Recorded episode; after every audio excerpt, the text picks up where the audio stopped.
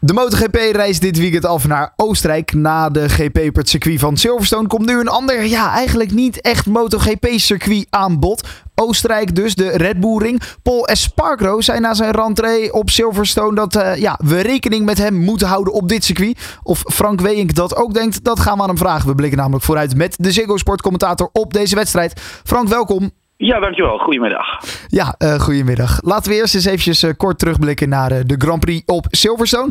Dat was weer een waar spektakel met nou ja, um, die onderuit ging, die op weg leek naar een goede klassering. Banyaya die nou ja, uiteindelijk tweede werd, want Aleix Espargaro ging er vandoor met de overwinning. Ja, dat was wel heel bijzonder. Het was absoluut de beste wedstrijd van het seizoen, denk ik, qua spanning. beslissing in de laatste ronde.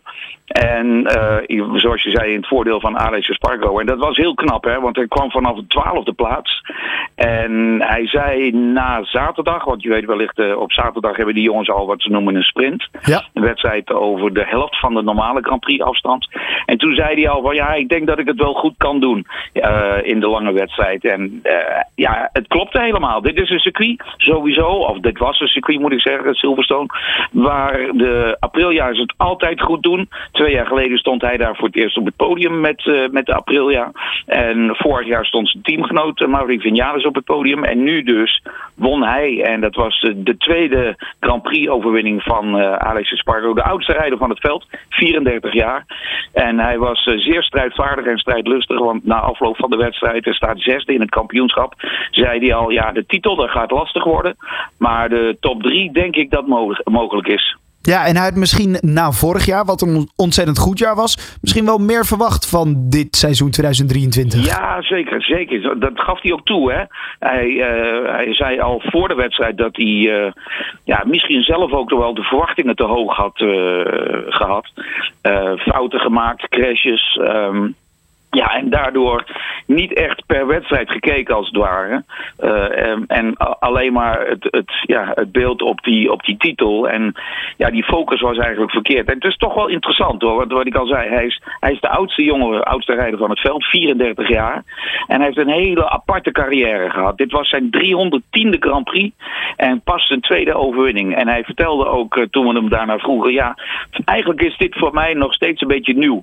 Een heleboel van die andere jongens die hebben in de andere klassen, de Moto 3, de Moto 2, uh, al meegedaan om overwinningen. En ja, dit is voor hem eigenlijk pas de eerste keer, moeten we zeggen, sinds vorig jaar, dat hij inderdaad kansen maakt op, uh, op de titel. En dan kun je wel, vier, of in ieder geval op overwinningen. En dan kun je wel 34 zijn, maar dan, ja, dan zijn er toch nog steeds dingen nieuw voor je. En dat, dat, ik vond dat hij dat mooi verwoordde. En dat gaf ook wel een, een, een beeld van zijn carrière en hoe hij in, ja, in, in, in de kampioenschap staat. Ja, zeker. Um, nou ja, goed. Mooie overwinning voor hem. Dus een uh, tweede uit zijn carrière. Ja, ik zei in de intro, uh, nu Oostenrijk ook niet echt een MotoGP-circuit. Waarmee ik Silverstone ook niet echt een MotoGP-circuit noemde. Uh, ja, van Oostenrijk kunnen we daar denk ik wel over eens zijn. Hè? Dat dat eigenlijk, als je mij vraagt, niet gemaakt is om daar op de motor rond te rijden. Nou ja, weet je, uh, vorig jaar hebben we gezien dat het uh, circuit aangepast is. Ja, extra chicane. in 2020 daar een zeer zwaar ongeluk hebben gehad. waar gelukkig iedereen zonder kleerscheuren, nou ja, kleerscheuren waren er wel, maar in ieder geval zonder zware verwondingen vanaf kwam. En Um, het is een circuit met. Er is geen enkel Grand Prix circuit met zo weinig bochten. In totaal nu, dankzij die aanpassing vorig jaar, 11 bochten. Um, en vanwege het feit dat de, coureurs op één punt heel erg hard uh, afkwamen, uh, moest er heel hard geremd worden. En ja, dat punt was zodanig gevaarlijk dat er een, een soort chicane in uh, het circuit is aangebracht. Die wordt dus niet door de Formule 1 gebruikt, maar wel door de MotoGP. En daardoor is het circuit wat langzamer geworden. Het was het allersnelste circuit van allemaal. Ondanks het feit dat de topsnelheid niet zo heel hoog lag. Ja, 315 is nog altijd behoorlijk hoog. Maar uh, vergeleken met bijvoorbeeld uh, Mugello ja. of Qatar, waar we uh, boven de 360 zitten, was, was de Red Bull Ring niet echt een heel snel circuit als het gaat om topsnelheid. Maar ja, het is nu inderdaad een, een andere baan. Je zegt het is misschien niet niet een echt MotoGP-circuit. Daar, daar kun je inderdaad wat van, van zeggen. Um, maar het is wel de afgelopen jaren, we zijn hier sinds 2016 weer terug op dit circuit, uh, hebben we wel, wel telkens in de MotoGP geweldige wedstrijden gezien. En ik hoop eigenlijk dat dat uh, komend weekend ook zo zal zijn. En ook beslissingen in de laatste bocht. en dat is, ja, dat is wat we graag zien natuurlijk. Ja, zeker. Dat uh, kan er nog wel eens voorkomen. Zeker als er nog een klein buitje wil vallen, dan kan de Red Bull Ring ja. nog wel eens voor wat spektakel zorgen. Ja, we hebben het al over weinig bochten, lange rechte stukken. Zeg je dan gelijk Ducati nummer 1 kandidaat voor de overwinning? Absoluut, ja. Kijk, wat ik zei, hè, sinds 2016 hier weer terug. Zeven overwinningen voor Ducati. En er is één andere fabrikant die hier wedstrijden gewonnen heeft. En dat is KTM. En uh, de Red Bull Ring, dat is Oostenrijk. Oostenrijk is KTM. Met andere woorden, dit is ook de thuiswedstrijd van KTM. Ja. Uh, je, je, vertelde daar straks al inderdaad uh, de regen. Dan kan hier nog wel eens iets bijzonders gebeuren. Nou, dat hebben we een paar jaar geleden gezien. Toen Brad Binder op sliks in de regen naar de overwinning reed. En in 2020 zagen we ook daar een overwinning voor Miguel Oliveira. Die reed toen op KTM. En wat ik zei net, in de laatste bocht de beslissing toen Paul Espargaro en Jack Miller elkaar een beetje in de weg zaten. En hij was de derde die met uh, het bot wegliep. En um, de andere fabrikanten, Yamaha, uh, Honda, um, zij hebben, en ook Aprilia, zij hebben hier nog nooit gewonnen. Het is echt het, het circuit van, uh, van Ducati en dus KTM. Ja, inderdaad. Nou ja, KTM, Brett Binder, werd derde in Silverstone. Is op zich ja. goed bezig aan een goed seizoen ook. Ja, kun je wel zeggen. Hij staat op dit moment vierde in het kampioenschap. Staat wel een behoorlijk stukje achter de nummer drie Marco Bezzecchi. Maar hij heeft al twee van die sprintwedstrijden gewonnen, die, ik net noemde. Hè. En, en die sprint op dit circuit, ja, uh, ik zei al, die sprint is een wedstrijd over de helft van een normale Grand Prix afstand. En ik denk ook echt dat op dit circuit, dat dit echt een sprint wordt. Dat, dat we daar uh, spektakel gaan zien met heel veel rijders dicht bij, elkaar. Althans, dat is nog steeds uh, mijn, mijn hoop.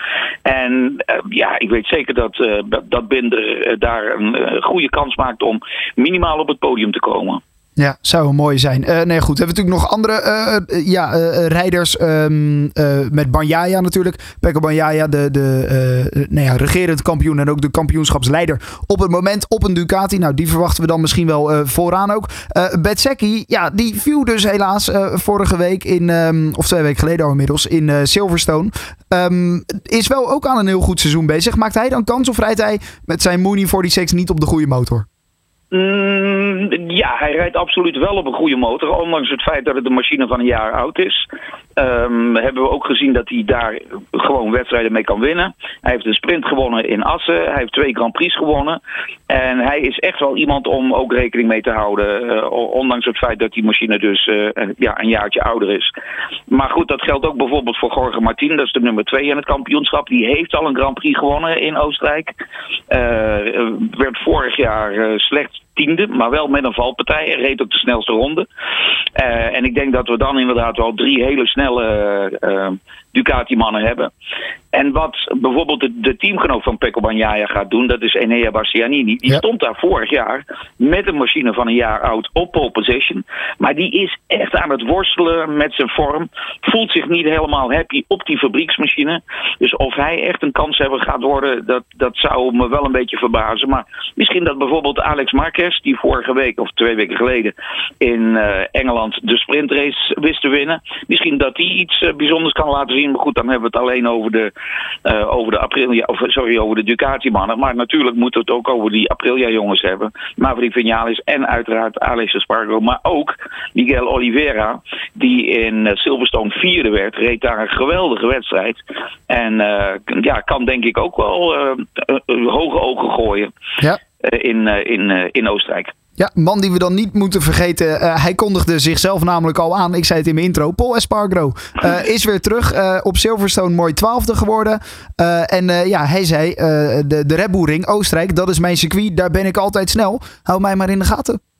Ja, ik vond het nogal optimistisch hoor. en ik denk ook als coureur zelf moet je inderdaad wel jezelf doelen stellen.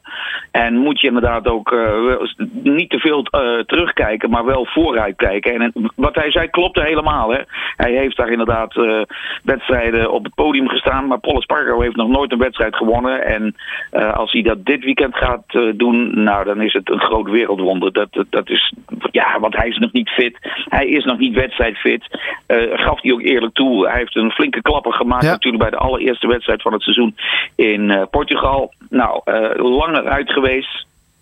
Uh, maar ik acht hem niet in staat om uh, in de top 5 te finishen, eerlijk gezegd. Hoor. Dan, dan moet er echt een heel groot wonder gebeuren. Maar goed, jij noemt Paul Espargaro. We moeten misschien toch ook nog wel even uh, Fabio Quartararo op Yamaha en um, Mark Marquez noemen.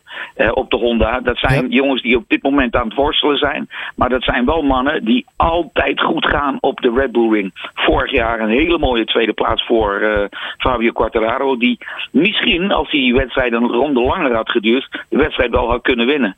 En uh, Mark Marquez heeft hier meerdere malen op pole position gestaan. Maar heeft hier ook nog nooit gewonnen. En wat ik al zei, die jongens die zitten allebei in een moeilijke periode. Maar misschien ja, gaat het dit weekend wel voor die mannen gebeuren. Ondanks het feit dat je zou zeggen, misschien uh, is de Red Bull Ring niet een circuit voor een Yamaha. Dus niet een circuit voor de machine van uh, Fabio Quartararo. Ja, er zijn gekkere dingen gebeurd dit jaar. Ik, ik acht hem niet kansloos voor een podium. Zou mooi zijn. Uh, dan moeten we het uiteraard ook nog eventjes over de Nederlanders hebben. In de Moto 3 Colin Weijer. En in de Moto 2 hebben we er uh, natuurlijk twee. Met de Zonde van de Goorbergen. Uh, onder andere. En ook met Bo Bensnijder. Um, ja, Colin Weijer even snel. Die is aan een sterk debuutseizoen bezig, vind ik. Sterk rookie seizoen in de Moto 3. Ja, doet het echt geweldig. En bij de vorige wedstrijd werd hij dan, moet ik even uit mijn hoofd. Ik meen dat hij zevende werd of negende. Ja. Ik, weet het, ik weet het al niet eens meer precies. Maar in, in, bij het ingaan van de laatste ronde lag hij heel even tweede. Ja. Werd toen aangetikt. En viel toen terug buiten de punten. Uh, uh, op een zestiende plaats. En kwam toch nog weer zeven plekken terug in die laatste ronde. Hij doet het echt geweldig. Uh, het is voor hem wel te hopen dat het droog blijft. Want hij geeft zelf heel eerlijk toe dat regen niet, zijn, niet helemaal zijn ding is. Maar Colin Fire is echt een jongen om, om te koesten. zijn eerste seizoen doet hij al hele, hele fraaie dingen.